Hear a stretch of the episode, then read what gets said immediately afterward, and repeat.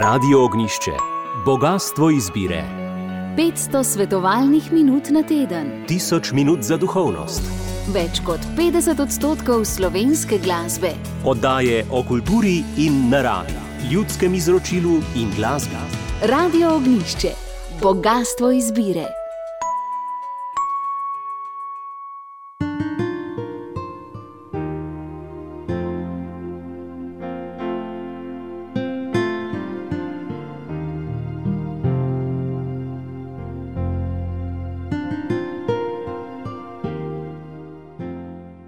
Dobro jutro, spoštovani poslušalci. V času današnje svetovalnice bomo slišali nekaj poudarkov, nekaj misli in nekaj razlage o skrivnostih velikega tedna. Višek crkvenega leta je prav veliki teden, ki smo ga začeli na cvetno ali olčno nedeljo. Višek je velikonočno tridnevje, veliki četrtek, veliki petek in velikonočna vigilija, ki nas uvede veliko noč. In najprej o tem, kdaj se pravzaprav začne sveto tridnevje. Asistentka pri katedri za liturgiko na teološki fakulteti Cecilija Oblonšek. Torej, sveto tri dneve pričnemo z velik, velikim četrtkom zvečer. Velik teden je torej že od cvetne nedelje naprej, s tem, da se postni čas zaključi v bistvu v sredo pred to večerno mašo. Ne, večerna maša velikega četrtka je pa že poseben liturgični čas, ki se imenuje velikonočno tridnevje. Tako je torej z današnjo dopoldansko krizmeno mašo, ki jo bomo prenašali čez slabo uro. Ob devetih pater Nikolaj Radski Rosenfeld, cistercijan in asistent pri katedri za liturgiko. Maša, ki jo imenujemo krizmena maša, ki jo v stolnicah v Sloveniji pogosto, praviloma ob četrtkih obhajajo škofje, ne spada med tri dnevje. Povemo tako, tri dnevje je veliko nočno, tri dnevje je obhajanje, praznovanje, slovljenje skrivnosti Jezusa, trpečega, umrlega in vstalega. In to, v to bomo vstopili z večerno mašo zadnje večerje ali večerno mašo velikega četrtka. Res pa je, da današnje jutro eh, duhovniki oziroma škofi posvečujejo sveta olja. Krizna maša je torej maša, s katero se predstavniki božjega ljudstva, predvsem pa duhovniki, zaželjeno bi bilo pa tudi, da predstavniki župnijskih skupnosti zberejo okrog škofa, da tam eh, posveti olja, ki pa jih eh, potrebuje za zakramente uvajanja v krščanstvo.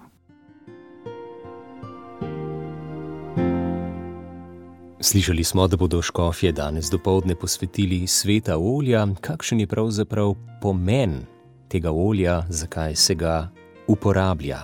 Cecilija Oblonšek.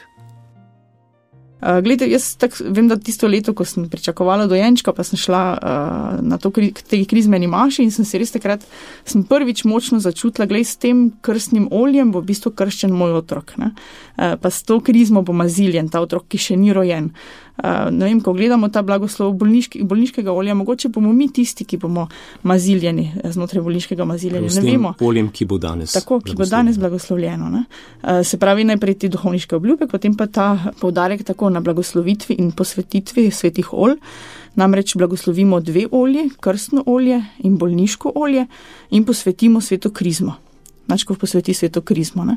Po tem bogoslužju, seveda, to, ta olja, to sveto krizmo podelijo, razdelijo vsem duhovnikom po celotni škofiji, tako da spet ena ta močna povezava. Ne? Iz te svete maše bo v bistvu posvečena, bom rekla, ali pa eh, je to eh, razdeljeno v vse župnije eh, nadškofije, škofije, nadškofije. Teda, to je res ena močna simbolika.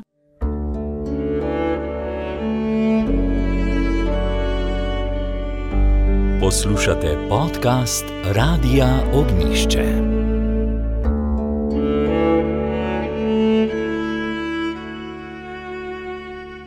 Jezus je rekel svojim učencem: Srčno sem želel jesti z vami to pashalno večerjo. In s tem je končal to, kar se je začelo z obredom obhajanja pashalne večerje ali sederja.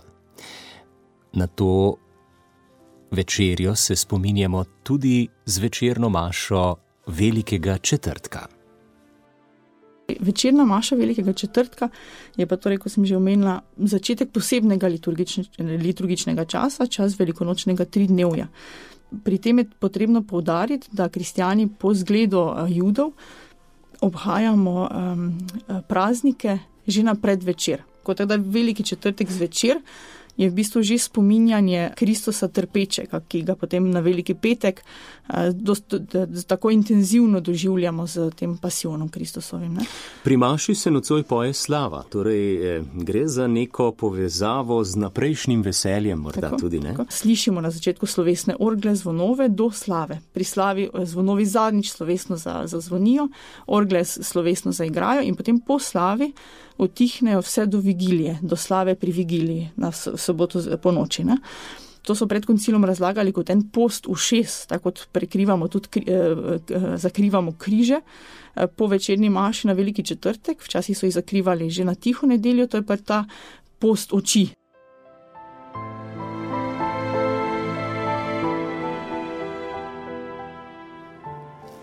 Tako asistentka pri katedri za liturgijo Cecilija Oblonšek o postu za oči, pa se vrnimo še za hip k paschalni večeri, ki je osnova za praznovanje obeda ljubezni in hvaležnosti, ki ga danes kristijani imenujemo Euharistija. No, ta dva obeda sta se 300 let praznovala v enem samem obredu. Delno se je obet ljubezni ali agape obdržal v pravoslavnih, delno pa je našel pot nazaj v liturgijo tudi v protestantskih cerkvah. Po 1700 letih so se kristijani spet začeli zanimati za svoje zgodnje izročilo, in paschalni seder je gotovo najstarejša oblika krščanskega praznovanja. O tem izrazu gospodova večerja takole pravi cistercijan, pater dr. Nikolaj Aradski Rosenfeld. Samo izraz gospodova večerja se nam je katoličanov zdel v nekem obdobju nekoliko manj privlačen. Radi poudarjamo pomen Jezusove daritve, svete maše. Ko slišimo beseda gospodova večerja, ta izraz so zelo radi uporabljali eh, reformatori, protestanti. Pa vendar liturgične knjige govorijo maša gospodove večerje. Maša gospodove večerje je spominjanje, praznovanje velikonočne skrivnosti, prav pod tem vidikom, kakor je Jezus z zadnjimi svojimi učenci, tisti večer pred svojim trpljenjem, obhajal zadnjo večerjo in jo je obhajal po starozaveznih predpisih, po predpisih, ki jih je Mojzes prejel in ki jih je ljudstvo od izhoda iz egiptovskega suženstva letno obhajalo 14. Nisana. To je Jezus obhajal na zadnjo večerjo.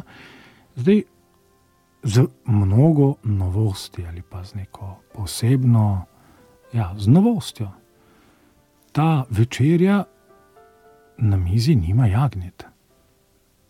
Jagnje je Kristus sam.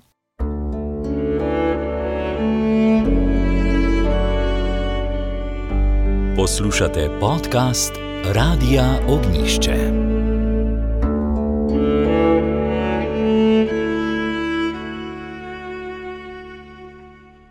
V svetem tridnevju smo, pred nami so tudi obredi, danes zvečer obredi Velikega četrtka. Postavlja se seveda za družine vprašanje, kako uh, vse to skupaj izpeljati. Sploh, če so otroci še majhni, je lahko to veliki ziv. V studiu lepo pozdravljam Manico Marold, dobro jutro, lepo zdrav. Dobro jutro. Ali je res potrebno, da družina tudi z majhnimi otroki se udeleži vseh obredov in tam eh, starši seveda eh, nimajo nič od vsega skupaj, ker so pod stresom, pazijo, da otroci ne bi naredili kakšnega kaosa in motili drugih. Kako je s tem pri vas, kakšen nasvet mogoče? Ja, tudi otroci se mi zdi, da nimajo nič od tega, sploh če so manjši in pa navajeni, da gredo bolj zgodaj spat tako da se mi zdi res pomembno to, da vsaka družina se odloči oziroma najprej pogovori o svojih pričakovanjih, o svojih željah, kako bi preživeli te velike dneve, da ne bi bilo preveč, hkrati pa da bi tudi doživeli to vsebino, ki je zagotovo zelo veliko. Tako da se mi zdi res pomembno, da izhajamo iz svojih okoliščin, da priznamo svoje ovire. Meni se ne zdi nič narobe, če je mogoče malo manj samih vsebin, mogoče malo manj letanja iz enega dogodka na drugega, pa mogoče malce več uh, povezovanja oziroma poudarka na to, da se spregovori o vsebini v družini. Kako ste sami obhajali obrede velikega četrtka doma, večkrat je lahko to tudi res lepa priložnost za povezovanje, za pogovor, hkrati pa je možnosti kar precej, recimo paskalna večerja. Ja, imeli smo že več različnih oblik. Na začetku smo še sodelovali z družinami župnije, potem pa, ker so otroci v družini zboleli, smo potem pač izvedli samo pashalno večerjo kar doma. In v bistvu sem ugotovila, da koliko um, jih je ta vsebina potegnila, koliko vprašanj se jim je ob tem porodilo, uh, koliko so si jo zapomnili, tudi potem čez leto so jo večkrat omenjali. Tako da smo imeli večkratno, uh, se pravi, samo pashalno večerjo, zdaj v različnih oblikah vedno tako, da so jo poskušali tudi otroci čim bolj sodelovati pri njeni pripravi, tako da so pripravili praznično mizo, da so sami prižgali sveče, sami pripravili pogrinke. Um, enkrat smo pekli jagenčka, drugič smo pekli um, opresnike. Um, spet tako, da so pač otroci res čim bolj probali tudi samih um, oblikovati in speči. Uh, imeli smo tudi vsako leto obred umivanja nog, uh, tako da so jim mož in pa jaz umila noge.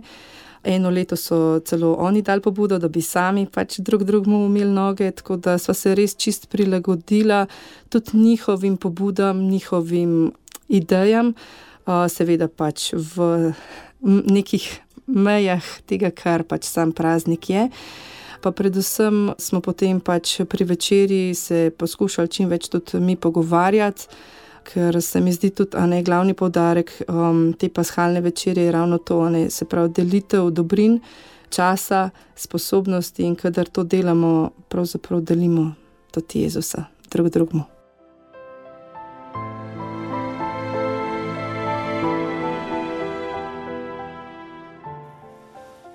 Tako avtorica portala Korenine Vere Manica Marold o obredih z najmlajšimi otroki, kaj pa najstniki? Ja, za najstnike se mi zdi ključnega pomena to, da vidijo še tudi svoje vrstnike, da so v njihovi družbi.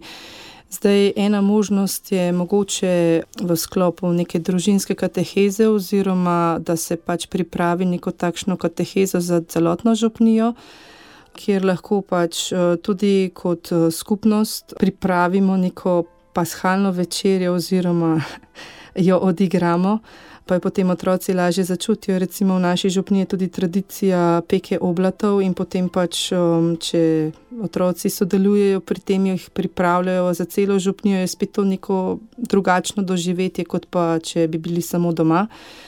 Zagotovo pa so tudi obredi velikega četrtka taki posebni, ki hitro pač potegnejo otroke v samo dogajanje. Se mi pa zdi pomembno, da potem po samih obredih mogoče otroke spodbudimo, če ne začnejo že sami spraševati, kaj jih je mogoče nagovorilo, da nekako odpremo z njimi pogovor da mogoče vidimo, kje, o čem razmišljajo, kje je njihova vera, da mogoče tudi skozi ta vprašanja sami prevetrimo, kje smo s svojo vero mi.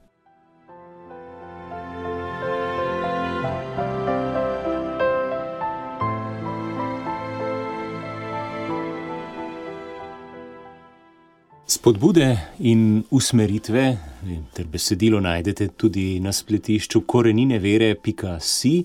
Manica Marold, kako živi zdaj portal, vsebine so postale tudi malce širše, ne zgolj usmerjene v katehezo, ampak je tudi nekaj gradiva, ki je namenjenega staršem pri, za pomoč pri vzgoji. Ja, nekako me če dalje bolj nagovarja ta prenos vere v naše vsakdanje družinsko življenje. Tako se mi zdi, da sama tega nisem prejela, pa bi si želela, ker se mi zdi, da bi mi pač vera bila lahko veliko večjo pomoč, kot mi je. Um, tako da v bistvu skupaj ob svojih otrocih rastem tudi v svoji veri in nekako želim ta svoje spoznanja deliti tudi z drugimi, ker se mi, ker se mi zdi, da um, je z vero tudi um, samo spopadanje s čisto vsakdanjimi vzgojnimi, učnimi, zakonskimi izzivi čist drugačno kot pa brez njih.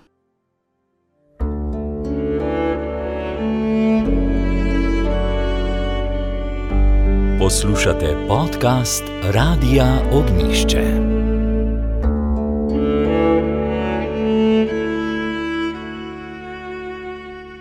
Slavim Gospoda, tudi ko se temelji reda podirajo. Tak je bil naslov letošnjega radijskega misijona, v katerem je osrednji misionar Načkov Marjan Turenšek povedal tudi, kaj mu Euharistija pomeni. Vedno bolj vse. Ker vedno bolj jasno eh, doživljam in okušam, da je samo tam Jezus navzoč v vsej polnosti, ki je mogoče na tem svetu. Ker je navzoč tako telesno, torej kot človek in kot Bog, pod podobo kruha sicer in vina eh, in celotnega občestva, ker tudi pod celotnim občestvom, ki obhaja eh, Euharistijo, je Kristus navzoč.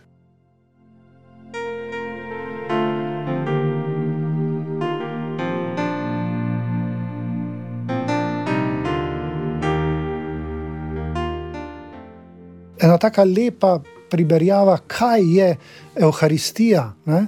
Je zgodba, opis dogodka, ko sta pol stajenja dva učenca šla v Emaus. Se jim Jezus pridruži kot neznanec, ga ne prepoznata. Vidite, beseda še ni dovolj. Je pomembna, pa, pa so o božji besedi govorili, ne? pa ni bilo še dovolj. Čeprav je srce pa že začelo malo goreti. Kdaj sta ga prepoznala? Ko je vzel kruh in ga razlomil, ker sta prepoznala to gesto iz zadnje večerje. In takrat ni bilo več potrebno, da je bil prisoten, vidno med njima, je zginil, ampak ona dva sta obrnila svojo življenjsko pot, ne samo zdaj, da sta izjemno šla nazaj v Jeruzalem, geografsko, ne? ampak življenje sta obrnila zaradi tega doživetja. Zato je velika, velika škoda, da verniki vedno manj prihajajo v, k obhajanju Euharistije. Ker to, to je tako bistveno za življenje crkve, za življenje župnije, kot je bistveno, da se družina eh, dobi pri obedu, ker je to pomembno za telo, ker telo mora dobiti hrano, je to pomembno za psiho, psihološki eh, vidik, se pravi čustveni vidik, spoznavni vidik, da se pogovarjamo, da si damo to, kar, kar lahko drug drugemu damo na tej človeški ravni, in da povabimo tudi Boga v, našo, v ta naš obet, da je tudi On zraven. Ne, to je pa duhovni vidik ne, tega obeda. In Euharistija je vse to na najbolj popoln način.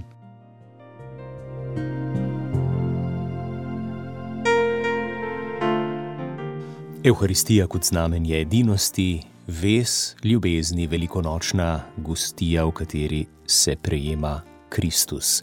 Je pa Euharistija še nekaj, načkov Marjan Turenšek. Je tudi izvir skupnosti, tudi to vedno bolj doživljam. Kje crkva nastaja, kje mi, organi, mi kot organizem nastajamo? Pri hranjenju, ta biološki organizem, pri hranjenju. Ker hrana prihaja in prehaja v naše telo. Hrana postaja del nas. Pri Euharistiji pa je že Augustin zelo lepo povedal, pa tudi drugi crkveni očetje so povdarjali, da tam pa se zgodi malo drugače. Mi jemo Kristusa, Kristus pa sprem, nas spreminja vase. Torej, pri sveti Maši, ko se obhajamo s Kristusovim telesom in krvjo, postajamo crkva, tu prihaja življenje crkve ker življenje crkve je Kristus. Hvala za poslušanje. Podprite brezplačen dostop do naših vsebin in postanite prijatelj Radia Ognišče.